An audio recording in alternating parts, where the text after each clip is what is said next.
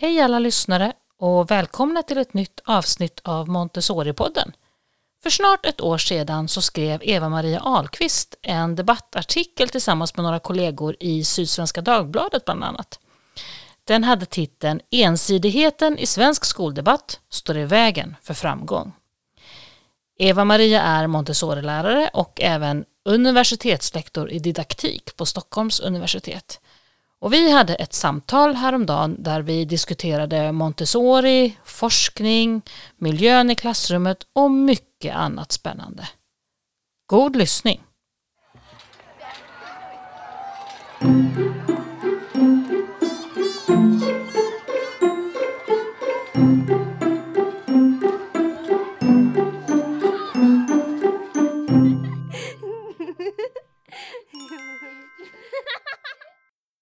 Välkommen till eh, Montessori-podden, Eva-Maria. Tack så mycket.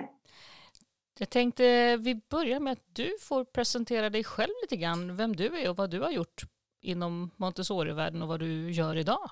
Jag är utbildad mellanstadielärare och eh, gjorde under min praktik ett besök under en kortare tid i en Montessori-skola på Södermalm som var väldigt tidiga med Montessori-pedagogik i Stockholmsområdet. Och, och ehm, det, det besöket eh, imponerade verkligen på mig. Och sen hade jag en lång praktikperiod eh, i eh, en skola med en väldigt, väldigt bra handledare. Och han jobbade utifrån någonting som då var populärt. Man jobbade med tidningen i skolan. Alltså man utgick från verkligheten och man, man försökte få eh, eleverna att se holistiskt på de små klipp som då media presenterar och, och sätta det i ett sammanhang. Och jag, jag, tyckte att det där var ett spännande sätt jämfört med att jobba så som vi under lärarutbildningen mer eller mindre blev instruerade att gå efter läromedel sida efter sida som bara kändes som att man, man plockade från ett smörgåsbord utan att man fick några som helst eh, länkar mellan vad det egentligen de olika delarna eh, hur, de, hur olika delar hängde samman. Va, vilken tid pratar vi nu ungefär? Vilket år är vi på? Ja, nu pratar vi början av 80-talet, okay. så det är lång tid tillbaka i tiden. Eh, men i, när jag eh, sedan började arbeta som lärare, jag började i en, eh, en, en, klass med elever som kanske inte riktigt hade funnit sig till rätta i en, i en, en eh, traditionell undervisning. Och, eh, och det var väldigt få elever. Men jag lyckades, vi lyckades få en väldigt bra stämning i den här gruppen även om de hade ansågs som oerhört svåra med mycket psykosociala problem som jag egentligen inte riktigt förstod då. Jag tyckte väl att eh, det, det var ju spännande elever som eh, var väldigt nyfikna och då fick man ju börja liksom i en annan ände. Och jag gick också då en kurs från Folkuniversitetet, hade en kurs om Montessori-pedagogik. Jag tyckte ändå att ja, men här kan man kanske man måste ju stimulera eleverna på ett annat sätt än genom bara att läsa och undervisa liksom från katedern. Ehm, och i den erfarenheten så dök det så småningom upp ehm, en, en möjlighet för mig att åka iväg till Italien och utbilda mig till montessorilärare. I kommunen satsade man då på, den kommun jag jobbade i utanför Stockholm, så satsade man på, på Montessori-pedagogik. Så jag åkte iväg till Italien, eh, Bergamo. Ja, just det, den utbildningen. Ja, det var en AMI-utbildning mm. i Bergamo. Det var ju den utbildningen som fanns då.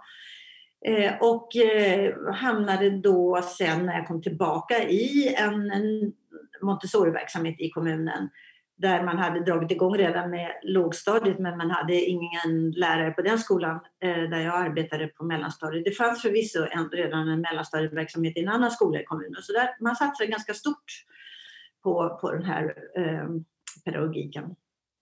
Och eh, ja, det ena ledde till det andra. Vi blev väldigt uppmärksammade. Ehm, vi hade mycket både radio och tv-intervjuer och, och, och, till och med filmer om vår verksamhet som gjordes av Utbildningsradion och hade studiebesök från när och fjärran. Och det förstås ledde till att, att verksamheten ja, tryggades kan man väl säga. Man blir alltid lite inspirerad när man har mycket besök och eh, vi, den utvecklades kontinuerligt kan man säga. Och eh, rektorn på min skola tyckte att vi var så otroligt duktiga så han tyckte att vi skulle ha någon föreläsning för eh, andra rektorer och eh, även lite folk ifrån lärarhögskolan. Så det hade vi en, en, en eh, tidig eh, junidag och eh, det ledde till att jag fick eh, så småningom ett erbjudande om att, att hålla en kurs om Montessori-pedagogik på lärarhögskolan. Och på den vägen ner så hamnade jag på lärarhögskolan och sen påbörjade så småningom, läste ett antal kurser och eh, påbörjade så småningom sen min forskarutbildning. Och, eh, eh, ja, det slutade med att jag, jag skrev en avhandling om Montessori-pedagogik. Egentligen Montessori-pedagogik, alltså betydelsen av Montessori-pedagogikens fysiska miljö för lärandet. Ja, för och, din, din eh, avhandling heter eh, Skolans levda rum och lärandets villkor. Meningsskapande i Montessori-skolans fysiska miljö. Så det är en, en, avhandling som handlar om miljön helt enkelt. Den allestädes närvarande. Man kan väl säga det, det är indirekt om, lärare, om, om, om den lärande miljön. Men eh, man, här måste man då förstå eh, varför, eh, varför miljön ser ut som den gör. Vad det har för betydelse och, och, och vad det genererar. Så där, ehm, och det är någonting som har intresserat mig ända från det att jag startade med de här eh, 12 eleverna som jag hade i eh, min allra första verksamhet där vi faktiskt byggde om och gjorde om miljön. Det var liksom det första som slog mig att vi kan inte sitta på rader och, och, och jag kan inte undervisa de här 12 eleverna utan de måste få vara mer aktiva.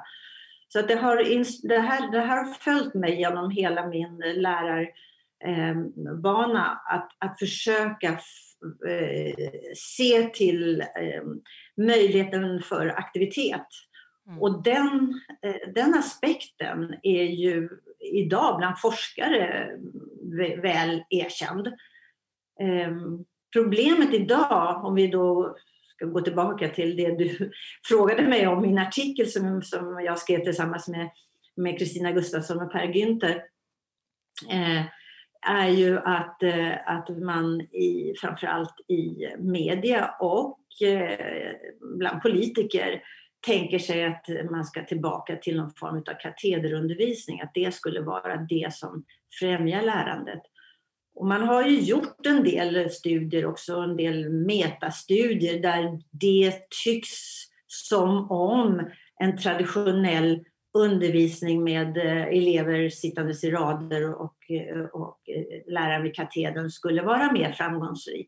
Men det beror ju alltid på vad man jämför med. Mm. För det är klart, jämför man med en ganska kaotisk undervisningssituation där man pratar om elevaktivitet utan att man har en systematiserad verksamhet för eleverna, då förstår jag att, att den, den typen av undervisning kom till korta.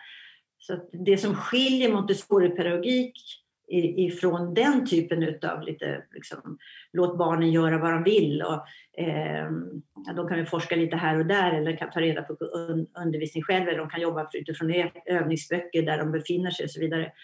Då, då, har man liksom, då har man missat det viktiga i en struktur.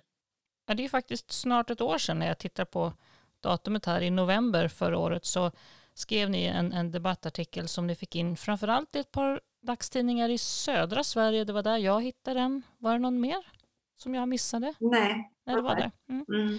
Och, och rubriken blev, jag vet inte om det var ni som skrev den eller om det var, sattes på, på tidningen, var att ensidigheten i svensk skoldebatt står i vägen för framgång. Um, och sen stod det också att skolan behöver utvecklas så att den står i samklang med vår tid genom att förena vad som i debatten kallas för ett elevcentrerat arbetssätt och en kunskapsskola. Vad, vad var bakgrunden till artikeln? Varför skrev ni den? Ja, det är ju den debatt som har rått framförallt i Stockholmstidningar. Jag vet inte riktigt, jag följer inte eh, varken eh, Sydsvenskan eller, eh, eller Göteborgs-Posten så jag vet inte riktigt hur debatten går där. Men i Stockholmstidningarna och framförallt DN så har det varit ett väldigt fokus på, på kan säga, följa Björklunds råd om en, en mer gå, tillbakagång till en mycket traditionell verksamhet. Där vissa ord som ordning och reda och kunskap har varit liksom en, stått i, i någon form av eh, motsatsförhållande till en mer elevaktiv eh, verksamhet. Och vi menar med den här artikeln att det finns ingen motsättning. Jag menar, elevaktiv verksamhet måste ha ordning och reda och den måste också, den bygger självklart på att elever ska tycka att det är roligt att lära och att kunskap inte på något vis eh, skulle, skulle, inte skulle vara, vara, vara viktigt. Nej, men det viktiga här i den här artikeln är alltså att beskriva att eh, ett elevaktivt arbetssätt inte står i motsats till en skola där, där, man, där man ser kunskap som centralt. Eh, men den stora skillnaden ligger i hur man förstår hur kunskap bildas eller hur, hur vi lär. Eh, där Montessori-pedagogiken då har en syn på kunskap som något som inte bara kan läsas in utan där man där, där hela kroppen måste vara aktiv. Eh, och det här, det här är ju sånt som som sagt är väldigt eh, väl beskrivet i mycket forskning idag, ganska modern forskning.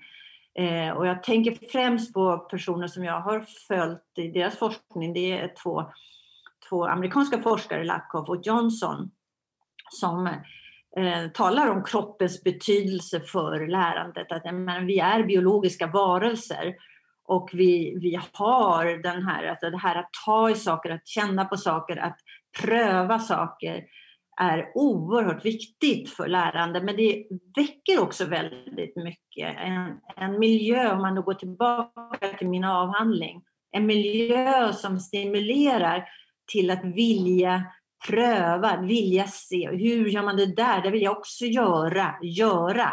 Mm. Det är, är, är um, essentiellt. Och det här begreppet som vi använder ofta, ja, men nu begriper jag, det kommer ju från att gripa, mm. ta tag i saker. Så att där, där är den stora skillnaden skulle jag vilja säga mellan en traditionell verksamhet där, där lärare måste appellera till elevernas erfarenheter för att eleverna ska förstå. Medan en Montessori-verksamhet där behöver det inte vara så att eh, att eleverna, för alla elever har inte samma erfarenhet. Även om man är en skicklig lärare som, som, som försöker få barnen till att minnas vad de själva har varit med om, så kanske inte eleven har varit ute i skogen och, och, och plockat svamp eller ka, kanske inte har eh, varit med i en debatt eller lyssnat på en konsert. Eller, och då måste man på något sätt ändå, eller fått pröva och räkna och plocka med saker för att förstå. Det, det blir problematiskt för de eleverna och då, då, då orkar inte de lyssna längre. Medan i Montessori-pedagogiken så har man den här tanken att alla barn har inte samma erfarenheter. Så alla barn måste få skaffa sig erfarenheter. Skolan är till för att skaffa erfarenhet. Och, och eh, när alla barn har delat erfarenheter så eh, har man också möjligheter till att kunna undervisa eh, som lärare. För det är inte så att läraren inte undervisar i Montessori-verksamhet. Det är inte så att läraren liksom har retirerat eller liksom, eh, avsagt sig sitt, sitt, sitt eh, yrkeskall så att säga. Utan läraren i allra högsta grad det man betecknar som, som en, en, en person som ska inspirera och få eleverna till att eh, förstå Ehm, till och med skulle jag vilja säga att, att vara lärare i Montessori-verksamhet kräver betydligt mer än att vara lärare i en mycket traditionell verksamhet. Och med det sagt vill jag betona, jag vill betona att det är inte så när jag pratar om en traditionell verksamhet, då pratar jag om den här renodlade förmedlingspedagogiska verksamheten som, som exempelvis eh, ofta liksom framstår som den enda rätta. Eh, nu vet vi att den, den, skolan idag har, är, är överhuvudtaget inte... Det finns väldigt få skolor som arbetar på det här sättet, liksom med det här det. enbart förmedlingspedagogiska. Och det finns väldigt, väldigt, väldigt många framgångsrika, mycket bra skolor som kanske som inte betecknar sig som Montessori-skolor. Så jag vill, jag vill understryka att det här är inte någonting emot de svenska lärare vi har idag som gör ett enormt bra arbete. Snarare kanske man skulle kunna kritisera lite utav den utav lärarutbildningen Mm. Som kanske inte trycker på de här, eh, den här vikten utav en miljö som stimulerar till lärande och, och vad som är grunden för att, att, att, att lärande ska äga rum. Jag, menar, jag jobbar ju i lärarutbildningen, jag undervisar i lärarutbildningen.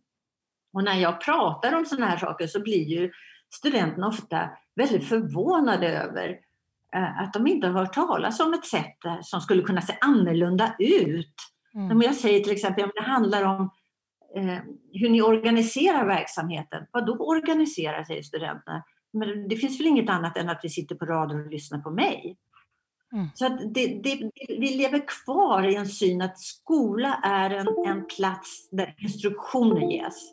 Och eleverna ska sitta och lyssna och sen får de i grupper diskutera ibland och flytta om. Men rummet är ganska tomt. Och annat än om de går in i kemi eller labb eller gör fysiklabb eller, eller idrottare eller har slöjd. Så det, det, vi kan bara gå in i skolor och titta. Vi kan titta på när massmedia visar bilder eller när Aktuellt visar bilder på hur det ser ut i en skolverksamhet. Mm. Så är det tomt. Förutom att det hänger teckningar på väggarna och att eh, eleverna kanske har lite fack där de har sina saker. Men liksom ins inspirerande, spännande eh, material som lockar till lärande. Som, som, som Montessori beskriver när materialet liksom ropar till barnet, ta mm. mig, rör vid mig, här kan du lära dig något. Det lyser med sin frånvaro skulle jag vilja säga. Och jag tror inte att jag, att jag de här på något vis eh, här är orättvis mot hur svenska nej, skolan i stort jag, jag, tänker i den här, eh, det som du skriver om i den här artikeln, så det du pratade om innan också, det här med hur debatten ju har gått nu ett par år egentligen kring ordning och reda och kunskapsskola kontra flumskola och, och, och, och, och oordning och kaos i skolan och så, så har jag åtminstone upplevt att just Montessori-lärarna står där lite grann förvirrade och tänker ja, fast vi har ju inte riktigt de här problemen i våra verksamheter som beskrivs å ena sidan. Å andra sidan så känner vi heller oss inte igen oss i det då som man beskriver det som du säger den, den enda rätta vägen. Att man upplever att man har en välfungerande verksamhet men man gör inte riktigt så som verkar vara gängse norm kring vad som är rätt just nu. Och, och så känner man sig ganska förvirrad och det är också svårt att hantera diskussioner, alltså den här klassiska middagsbjudningsdiskussionen kring hur undervisning ska gå till. Ehm, känner du igen den bilden? Ja, det jag tycker mig se när jag är ute i Montessori-verksamheten det är en väldig osäkerhet mm. och lärare säger att vi hinner inte jobba enligt Montessori, vi har så mycket annat. Mm. Och det eh, ställer jag mig väldigt frågande till och, och eh, jag menar att eh, alltså, många Montessori-skolor behöver handledning av oss som jobbar med forskning kring Montessori-pedagogik för att liksom komma tillbaka på rätt spår.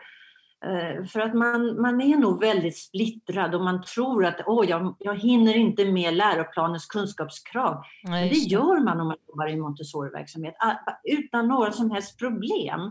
Men man måste också lita på det, man, det, det Montessori-pedagogiken presenterar. Ja, man är väldigt stressad över det här med, med, med, med kursplanerna och stoftet och det som ska in och så.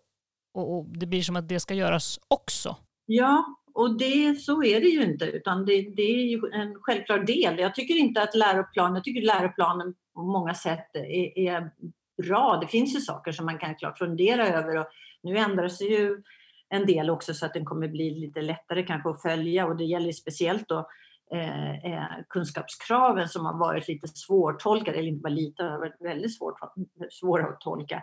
Men, men om man tittar på lär, läroplanen som helhet, vilket jag tycker att man glömmer i den här debatten, att man tittar också på, på skolans, eh, alltså vad har vi för uppdrag, vad är det vi ska göra, hur ska skolan fungera?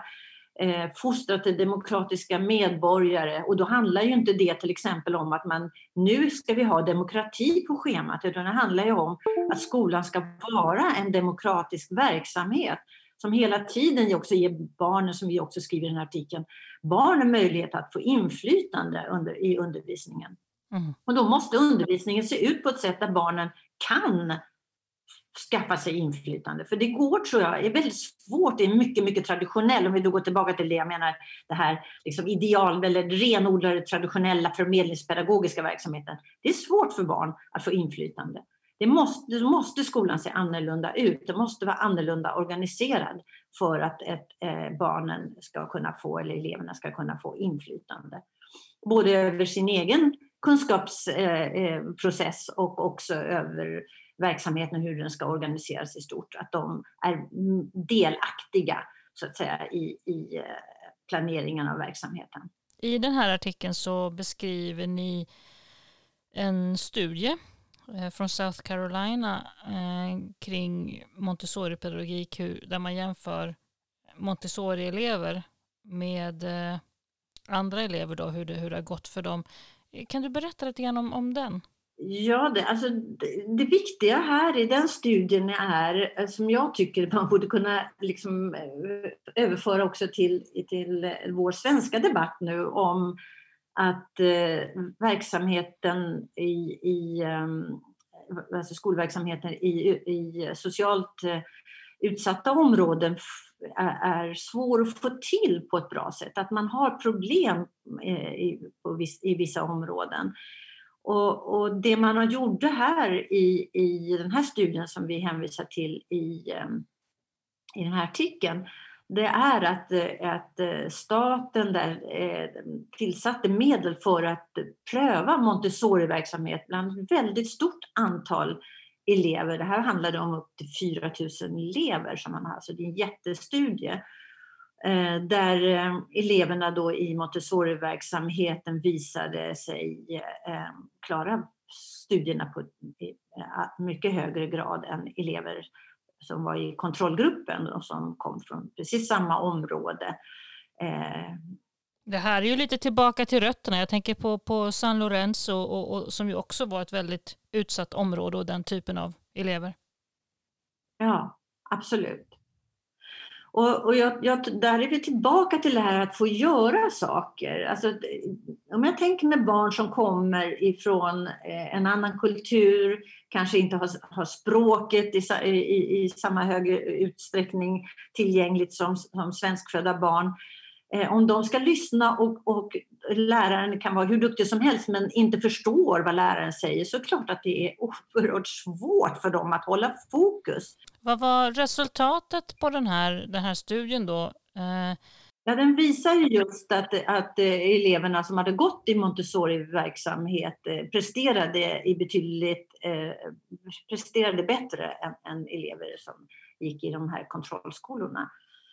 Så att, eh, och det var matematik, och språk. Hur fungerade kontrollskolorna? Vad hade man för pedagogik i dem? Hur gick undervisningen till där? Det var mer traditionell förmedlingspedagogisk, mm. traditionell undervisning. Så man kan säga att den här studien, vad den visar egentligen att om det är någonting man ska göra i utsatta områden så är det att gå in med Montessori-skolor och ingenting annat? Ja, i alla fall en pedagogik som eh, leder till att eleverna kan få vara mer aktiva, mm. skulle jag vilja säga. Mm. Sen kan man säga, alltså, man, när man pratar så här så, så, så, blir det ju väldigt, väldigt fokus på att det är just Montessori-pedagogiken med sin pedagogik som är den allra bästa.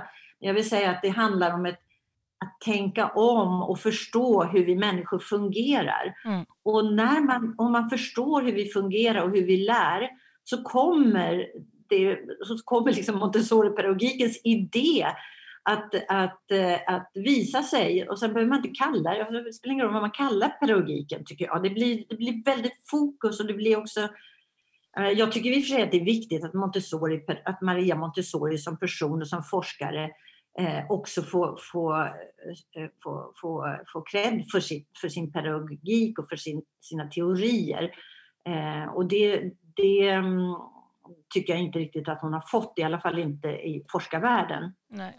Och det kan bero på alla möjliga saker, men vi har ju pratat om diskussionen går ju ständigt om kvinnliga forskare och mm. varför har de inte samma, i samma utsträckning, varför får de inte samma, samma eh, uppmärksamhet?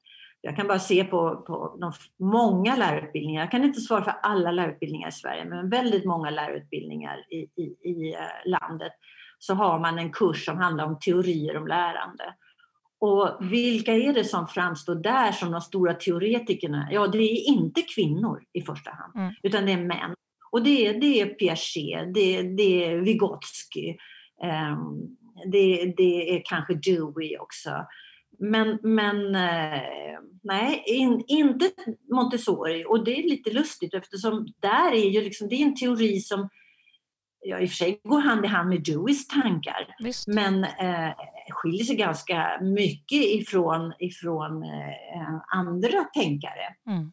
Nu finns det visserligen stora likheter mellan mellan Montessori, Vygotsky och, och, och, Piaget förstås, givetvis. Men han hade ju en teori om lärande men han praktiserade ju egentligen inte eh, eh, sina teorier i annat än att han hade sina egna barn i Montessori-skola och hade Montessoris idéer som, som inspiration, det är jag alldeles övertygad om. Och han var ju också, han var ju också eh, ordförande för schweiziska Montessori förbundet och mm. eh, gick också kurser för Montessori, eller kurser, han var med på föreläsningar som Montessori höll. Så att, visst var han inspirerad och de senare verken av, av Piaget är ju väldigt eh, nära Montessoris pedagogiska idéer. Ni, ni, visar på i den här artikeln ett antal faktorer som ni menar då på är Montessori-pedagogikens styrkor och det är lite grann det här som du säger att jag kallar det vad du vill men det här är, är, är då eh, fem punkter som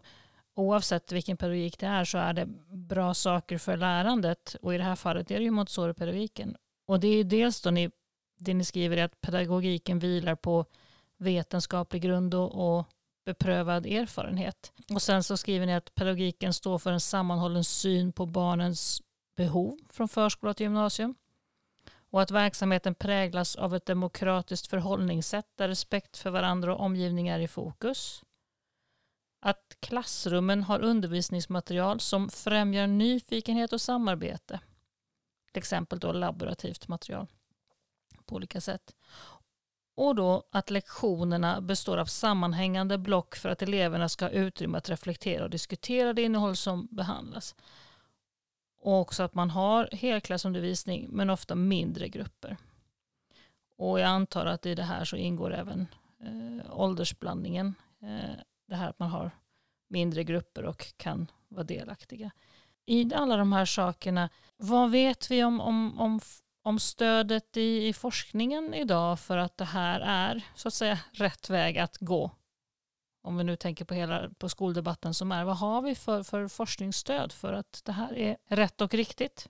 Ja, alltså att pedagogiken vilar på vetenskaplig grund och beprövad erfarenhet. Det finns ju liksom inga tvivel på för att eh, framförallt finns det en beprövad erfarenhet inom Montessori-pedagogiken mm. sedan, sedan eh, hundra år tillbaka, mer än hundra år tillbaka. Eh, och vi vet att den är framgångsrik. Eh, eh däremot så saknas det fortfarande även alltså, forskning kring just den här beprövade erfarenheten. Man skulle också behöva, den skulle också behöva beforskas i betydligt högre grad. Vad det är det som gör den då så, så till exempel framgångsrik då, som vi pratar om här.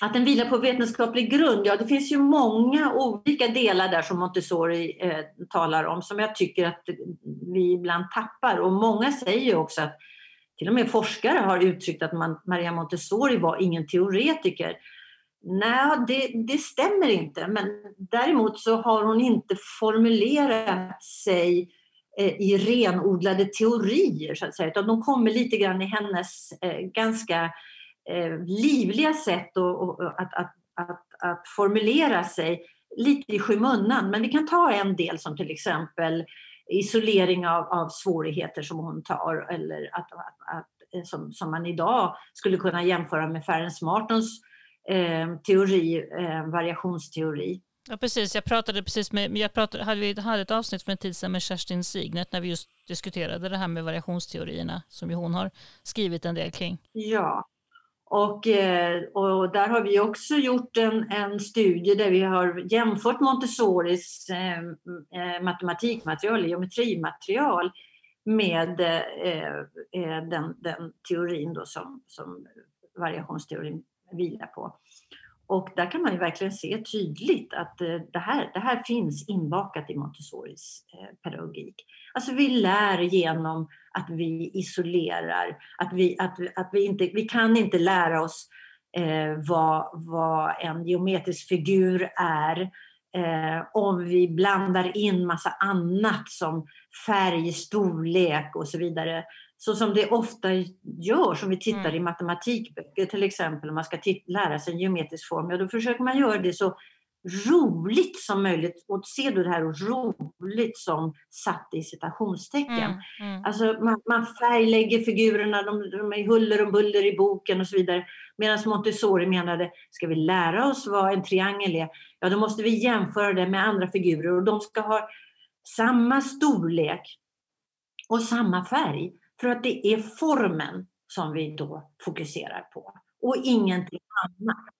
Eh, så att, eh, men det finns också andra delar som jag tycker, och det, då är det ju framförallt det som, som eh, en annan eh, teori som Montessori-pedagogiken vilar på är ju det som eh, kallas, eh, det finns inte för embodiment och embodiment brukar användas också i, i, sven, i en svensk kontext. Alltså att vi lär genom kroppen. Mm. Och det, fin, det skriver ju Montessori om hela tiden. Jag hade här en, en lite, bara ett litet citat av henne där hon skriver att, eh, att eh, det vi fokuserar på i, i, i verksamheten det är den här eh, eh sammansmältningen av kropp och eh, hjärna i kontakt med verkligheten. Alltså, vi måste förstå att genom att, att vi hanterar vår verklighet med vår kropp så, så äger också lärande rum. Eh, och, och, och, många av de här forskarna som tittar på det här pratar ju om att menar, även språket, vi, vi, skulle aldrig kunna lära oss vad bakom är om vi inte hade en kropp. Mm. För kroppen talar ju om liksom att det är bakom mig. Det är det första, vi, det, är det första barn förnimmer så att säga. Eh, så att det här är oerhört viktigt att förstå att det liksom själva eh, det, det kroppsliga görandet är, är centralt i Montessoris pedagogik. Och sen har hon ju andra delar också som jag tycker att man kan läsa om i forskningen. Eh, eh, alltså att utgå från eh, det holistiska eller även om man utgår från detaljer, att alltid knyta till en helhet. Knyta upp det till en helhet så att inte detaljerna bara hänger liksom lite löst och att sätta saker i ett sammanhang. Eh, jag tänker till exempel också på hur Montessori presenterar, om vi nu ska prata om hållbar utveckling som är så viktigt idag. Eh, att, att eh, om vi ska förstå, och det här var ju någonting som Montessori pläderade för, för innan överhuvudtaget vi hade börjat diskutera eller tänka på att vi skulle kunna förstöra vår, vår planet jorden. Eh, där hon menar att för att barn ska förstå människans roll så måste historieundervisningen leda till att barnen ser eh, den här helheten. När trädde människan in? Och, och hur systematiskt historieundervisningen eh, eh presenteras i en Montessori-verksamhet. Eh, så att jag tycker att när det gäller, när det gäller eh, vetenskaplig grund så, så finns det väldigt mycket som pekar på att Montessori-pedagogiken är väl förankrad. Det här med sammanhängande, med, med själva, vad ska man säga, organisationen av dagen och klassen med, med sammanhängande block, det som vi kallar för arbetspass, eh, de åldersintegrerade grupperna. Vad, hur ser forskningen och stödet ut för den organisationen idag? Jag tycker inte att det finns forskning, så mycket forskning kring detta. Eh, den, den, det man ibland tittar på, det gäller framförallt åldersintegrering, så har den blivit väldigt hårt kritiserad ja. eh, i forskning. Men det handlar ju då om hur, hur den här verksamheten då uh, har sett ut. Jag tror inte att de forskarna har tittat på hur det ser ut i Montessori-verksamhet. Och det är väldigt stor skillnad om man tänker sig gamla B-skolan. Mm, sån gick jag i. Ja, B-skola var ju då att alla elever i olika klasser var tvungna och, och tvungna av, av eh, skäl att eh, skolan kanske var Eh, placerad i ett område där där det inte fanns tillräckligt elevunderlag. Nej, så, så, så, så, var det för mig. Vi var, vi var 60 elever i årskurs 1 till 6, så vi gick i all, två årskurser i samma klassrum konst, hela, hela vägen upp. Så var det för oss. Ja, och då, då kanske du var... Eh, var det gjort då utav pedagogiska skäl? Eller nej, utav, nej, utan det var för att det, det, var helt enkelt, vi var en landsortsskola med 60 elever från årskurs 1 mm. till 6. Det fanns liksom inte så mycket att välja på. Och då var du tvungen antagligen att lyssna till eh, undervisning som också skedde för de som var lite äldre eller ja, de som var lite yngre. Jag, jag minns att vi delade ja. upp oss lite grann när det handlade om kanske svensk, eh, engelska och matte möjligen så fick då en av årskurserna ibland gå iväg till specialläraren då när vi skulle ha lite halvklass sådär. Ehm, så löste man det tror jag. Mm, och det är klart, tittar man på en sån verksamhet så kan jag förstå, den är väl inte, är inte det mest lyckade. Tyvärr har jag ju sett, tyvärr måste jag säga, har jag ju sett även Montessori-verksamheter som är nästan lite grann organiserade så, där man kanske inte riktigt har förstått eh, styrkan i åldersintegrering. Att, att eh, meningen här är ju att fortfarande, om vi då tar till exempel historieämnet där jag har sett skräck, eh, exempel också inom en eh, Montessori-verksamhet där man har där man har läst eh, historia tillsammans. Man, ja, vi går ju en, vi går i en, en, en eh, fyrsexa, då, då, då, läser vi alla historia samtidigt. Men så har det inte, då har man ju liksom missat poängen. Men här är det viktiga att när, när sexorna presenterar sitt arbete som de har gjort så kanske fyrorna blir intresserade eller femmorna, åh det där vill jag också göra. Alltså det här är ju ett sätt att arbeta för att också eleverna ska inspirera varandra men också att eleverna på det här sättet får möjligheter att utvärdera verksamheten och kunna också säga att när vi gjorde det här så skulle jag vilja att ni till nästa år kanske tänker så här. Alltså barnen har ju möjligheter där att också eh, stödja liksom en, en progression av undervisningen hela tiden. Men framför allt, det viktiga är hur eleverna på det här sättet också inspirerar varandra. Och, och också, givetvis, att när årskurs fyrorna håller på med något arbete i exempelvis, om vi går tillbaka till historieundervisningen, så kan ju sexorna eh, faktiskt vilja vara med ibland. Just det, det där gjorde vi också. Men åh, det här vill jag, det här vill jag lyssna på lite grann så jag kommer ihåg. Alltså, de repeterar och befäster ju då. Ja, de både det och också att man, alltså å ena sidan detta och å andra sidan att man faktiskt också blir inspirerad till vad, vad, man, vad som komma skall mm. när man kommer till årskurs fem eller sex om man är fyra, årskurs fyra. Så att eh, en åldersintegrerad verksamhet betyder inte att alla gör samma sak samtidigt. Nej. Utan där kan man, jag menar, man kan ju ibland behöva omstrukturera lite och någon har varit väldigt intresserad av historia, kanske har, har jobbat lite mera och kan hänga på några som är äldre. Eller, så det, det kan ju förekomma också. Men, men eh, framför allt att man, att man eh, ser det här som en tillgång för både inspiration och repetition. Hur ser det ut med, kring det här med arbetspassen och så? För det här är ju en sån här sak som jag tycker alltid dyker upp när det kommer sånt som vi tenderar i Montessori-världen att ducka lite grann för, det här med timplaner och elände, för vi vill inte lägga schema på det sättet. Vi vill ju ha våra arbetspass och så kommer timplanen upp och då blir man så här, mm, yeah. Mm. hur, hur ser forskningen ut kring just eh, arbetspassen och de sammanhängande blocken? Alltså det, som jag sa tidigare så är det ju mycket inom Montessori-pedagogiken som borde beforskas. Det här är ju också ett område som är väldigt lite beforskat men som egentligen rent alltså, genom beprövad erfarenhet borde säga oss att det kan inte vara bra att, att byta ämne hela tiden. Att alltid avbryta en, ett område i, i, inom exempelvis matematik när man äntligen börjar förstå, ja då ringer det och då ska man börja med engelska. Men det, det finns inte en vuxen människa som skulle vilja ha sin arbetsplats så att de för 40 minuter var tvungna att byta syssla. Utan man vill ju verkligen kunna koncentrera sig och jobba med ett område så att man, så att man kommer liksom till någon sorts eh, slut. Att man, att, man, att man känner en sorts arbetscykel är genomförd och att man känner sig nöjd. Så beprövad, beprövad erfarenhet borde ligga till grund för att skolans timplan-tänk eh, skulle behöva förändras. Mm. Det betyder inte att man som lärare inte ska hålla koll på att eleverna får eh, tillräckligt mycket tid för matematik eller engelska eller svenska eller vad det än må vara. Utan självklart så måste det här på olika sätt eh, eh, regleras eller kontrolleras. Och, och, och jag tänker då att ett sätt är ju att man som lärare, som jag tycker när man jobbar i Montessori-verksamhet, eh, måste ha hundra koll på vad som händer i verksamheten. 100 procent mm. kontroll. Eh, och eh, det är väl det som jag kan tycka då att det är tufft att vara Montessori-lärare. Eh, man måste hela tiden dokumentera vad som händer i verksamheten. Dokumentationsdelen är A och O så att man, man, eh, man kan försvara vad man gör.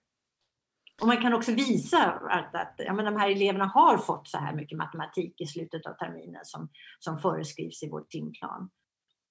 Om det finns några Montessori-pedagoger och Montessori-lärare som, som lyssnar nu som känner att de har lite dåligt med råg i ryggen när, när skoldebatten går, både offentligt men även då på middagsbjudningar.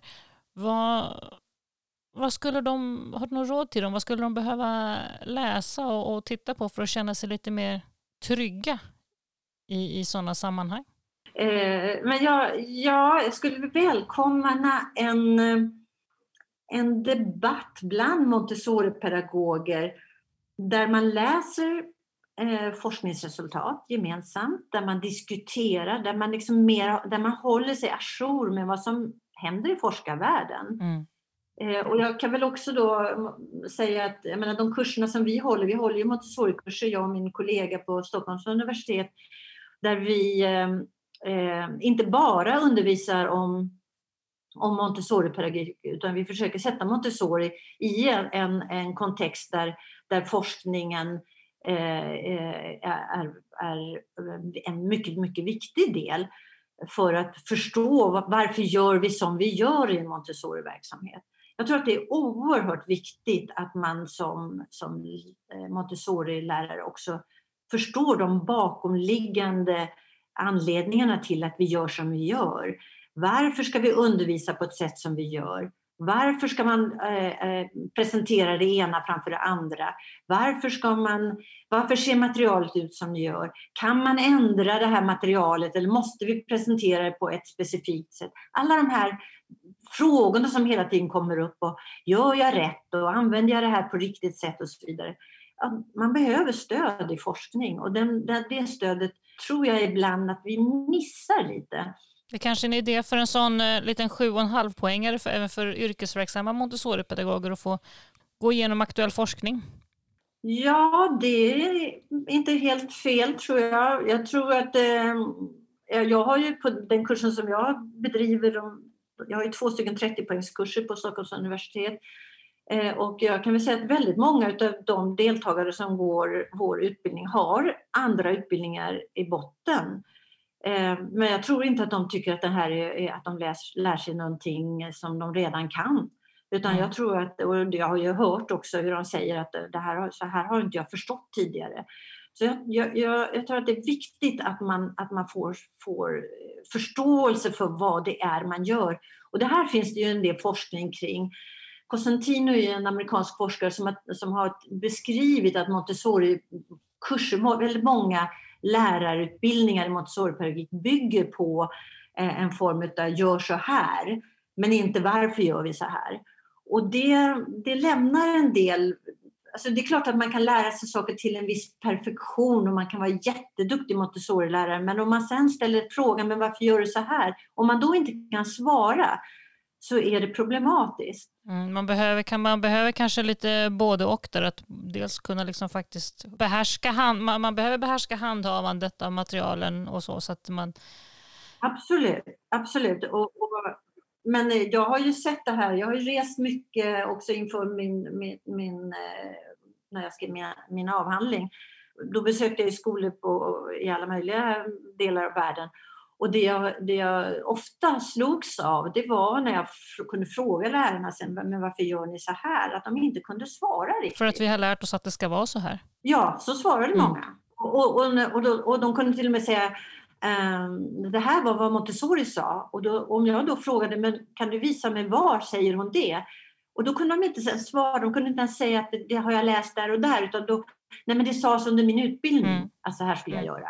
Och läser man Montessoris böcker som är ju lite knepiga ska jag säga att läsa eftersom väldigt mycket är repetition av vad hon har skrivit tidigare och det är svårt Ja, i liksom många fall så är det dessutom, hon, hon skrev ju inte böcker, hon hade ju föreläsningsanteckningar som man har sen satt ihop till böcker. Ja, just och det gör ju att det är lite knepigt ibland. Men, men det är ändå intressant att läsa hennes böcker och, och, och ställa sig frågan vad, vad innebär det här som hon säger nu och vad skulle det, vad skulle det vad betyder det för min, för min eh, verksamhet och för mig som lärare?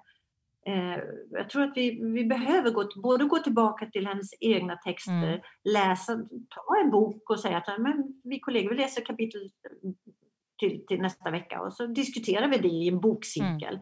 Mm. Eh, men sen kan vi också se, hittar vi någon forskning som stöder det här, stödjer det här så att man kan på, på, försöka liksom få det här i en, i en, en större kontext också för att bli medveten om vad det egentligen är man gör.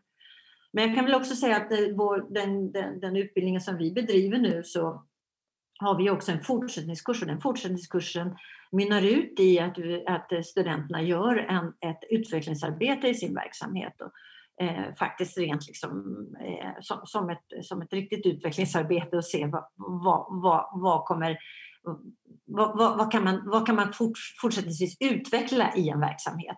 Så att man inte tror att för att man har gått en utbildning så är man färdig. Nej. Utan att utbildningen eh, skapar grund för ett fortsatt ständigt sökande och lärande. Eh, som jag tror är liksom grunden för att man ska ha en bra Montessori-verksamhet eller en bra skolverksamhet överlag. Den här boken uh, The Science Behind the Genius, eller vad den heter, av Lillards bok. Uh, mm. Hur, det var länge sedan jag läste den. Vad sammanfattar den på ett bra sätt olika forskningslägen kring Montessori-pedagogiken? Visst gör den det? va? Ja, absolut. Det gör den ju. Där kan man få en del stöd för, för mycket av det som Montessori beskrev. Mm. Finns det någonting eh, av det som Montessori beskriver i, och i Montessori-pedagogiken teorier på olika sätt som man idag kan se ja, kanske inte riktigt har stöd eller som där det har framkommit lite där kanske motsatsen till och med har framkommit som, som där tiden har runnit ifrån lite grann. Finns det något sånt? Ja, det är väl en tolkningsfråga, men det är väl självklart så att hon, alltså den, den tid som hon levde så såg ju världen annorlunda ut än vad den gör idag. Jag skulle vilja säga att väldigt mycket av det som hon uttryckte kan te sig väldigt kontroversiellt. Och en del, när vi, om vi, nu har vi pratat väldigt mycket skola, men om man tittar på förskolan så är ju det med fantasi. Mm. Eh, där är, är det ju, där är svårt ska jag säga, att idag finna stöd för de idéer som Maria Montessori hade kring eh, eh, fantasilekar och frilek. Eh, medan jag hävdar att det här är ett jättespännande forskningsområde mm. som jag gärna skulle vilja se utvecklas. Eh, för att jag tror ändå att det finns mycket eh, i, det, alltså, i det, den, den, den, syn på barn som vi vuxna har eh, som eh, Montessori absolut inte delar. Hon menar ju att vi, vi, vi har liksom det här eh, fröbeltänket fortfarande att barn ska, ska få fantisera fritt och, och, leka fritt och, och, och, att, vi, att det ska stödjas. Det intressanta är ju ändå när man ser, det har ju gjorts en del studier, bland annat utav Lillard, men också är faktiskt i Sverige för många år sedan utav eh, Gunnar Sundgren, en forskare som för många år sedan genomförde en studie där eh, han jämförde två intilliggande förskolor. En Montessori-skola och en eh, traditionell förskola. Och det intressanta där är att det han, eh, slutsatsen egentligen, som stämmer väldigt väl överens med det Lillard också såg i sin studie, var att Montessori-förskolebarnen lekte betydligt längre och eh, vuxen och hade också ganska avancerade le lekar jämfört med den traditionella verksamheten. och, och, och, det betyder ju alltså att, att den, här, den här synen som Montessori hade, att barn behöver förankring i verkligheten. De vill göra det vuxna gör och de behöver också stöd för att så småningom också kunna föreställa sig och fantisera. De behöver det stödet ifrån verkligheten. Då, när de har det stödet, då blir också fantasilekar eh, betydligt mer kreativa. Den här förankringen i verkligheten ger helt enkelt bättre fantasilekar på sikt? Ja, mer kreativa ja. lekar och eh, eh, stöd för att Jätteintressant. Den här förankringen i verkligheten behövs. Jag tänker att en del av den här fantasidiskussionen i Sverige också beror på att vi faktiskt bara har ett ord och att vi inte använder oss av, av att sära på fantasi och föreställningsförmåga. Om vi hade varit bättre på att använda föreställningsförmåga eh, när vi menar föreställningsförmåga så hade vi kanske haft mer konstruktiva diskussioner vad gäller sånt här också. För jag menar, i, i, på engelska använder man ju fantasy kontra imagination. Och om vi kunde använda liksom just sära på begreppen lite bättre så hade vi kanske också kunnat haft en bra, bättre diskussion om hur man med hjälp av för, förankrad föreställningsförmåga får en mer kreativ fantasi. Absolut. Men vi kan ju använda oss av begreppet föreställningsförmåga i större utsträckning. Ja, jag tänker vi hade behövt bättre på det så hade vi kunnat fått en bättre och mer nyanserad samtal kring just de frågorna. Mm, det stämmer. Mm. Ja, men det lät som en spännande studie. Var, var, det, för, var det en avhandling eller var, var, eller en senare forskningsstudie? Uh, nej, det, det är en studie som gjordes för väldigt länge sedan. Mm. Uh, och jag nämner den också i min avhandling. Okay. Ehm, Apropå din avhandling så let, jag letade lite grann efter din avhandling här nu på nätet och den är lite svår att hitta i fulltext. Är det bara jag som letar dåligt eller är det så? Nej, den finns inte i fulltext och vi ska se vad vi kan göra där. Men det har varit ett eh, problem för att jag har fått rättigheterna till bilder som jag använder Aha. i tryckt form och inte på nätet. Och det har varit ställt till med en hel del. Eh, så jag hoppas att det här ska kunna åtgärdas på något sätt så att den ska kunna lägga ut det. Men annars så går den ju att få tag på eh, genom mig så jag kan, den går att trycka okay. till, till den som önskar den.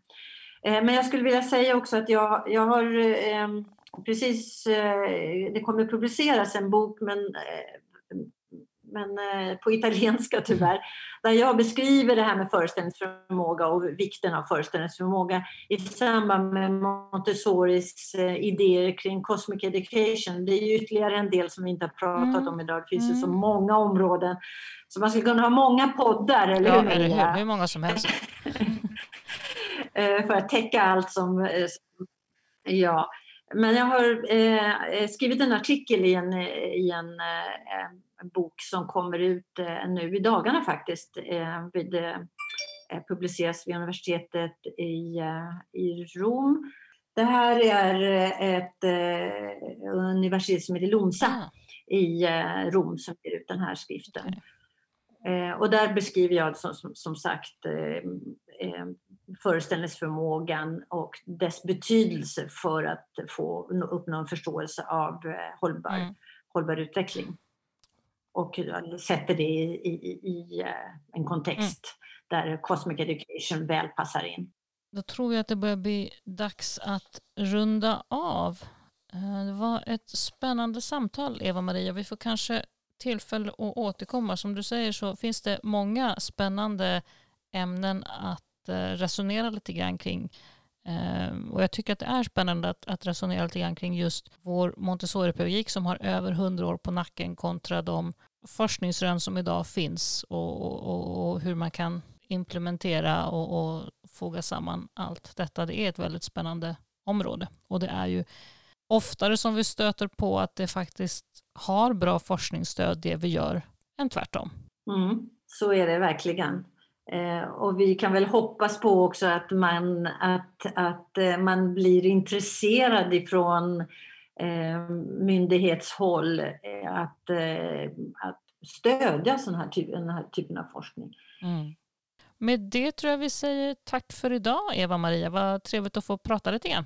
Ja, tack själv. Det var spännande och och delge, lite utav mina, delge er med lite av mina idéer och tankar.